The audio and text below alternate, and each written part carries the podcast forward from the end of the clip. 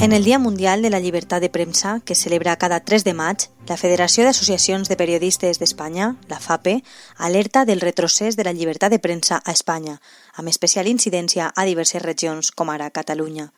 Llibertat de premsa i llibertat d'expressió, com destaca la FAPE, van unides, perquè per tal de que la primera siga realment efectiva és necessari que la segona estiga protegida, sobretot en aquest temps de proliferació de notícies errònies i bulos que busquen precisament buidar de contingut aquests drets esmentats, per tal de minar les bases de la democràcia mitjançant la desinformació.